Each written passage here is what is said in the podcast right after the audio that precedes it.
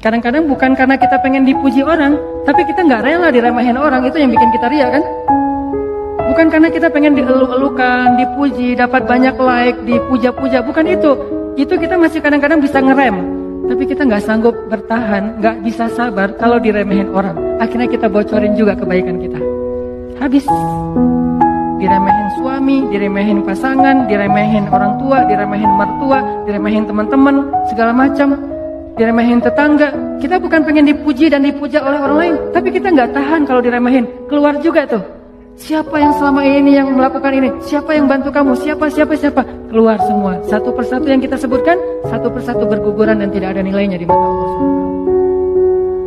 Sabarkah kita ketika diremehkan oleh orang lain untuk tetap menjaga rahasia amal kita antara kita berdua aja dengan Allah? Itulah ujian ikhlas.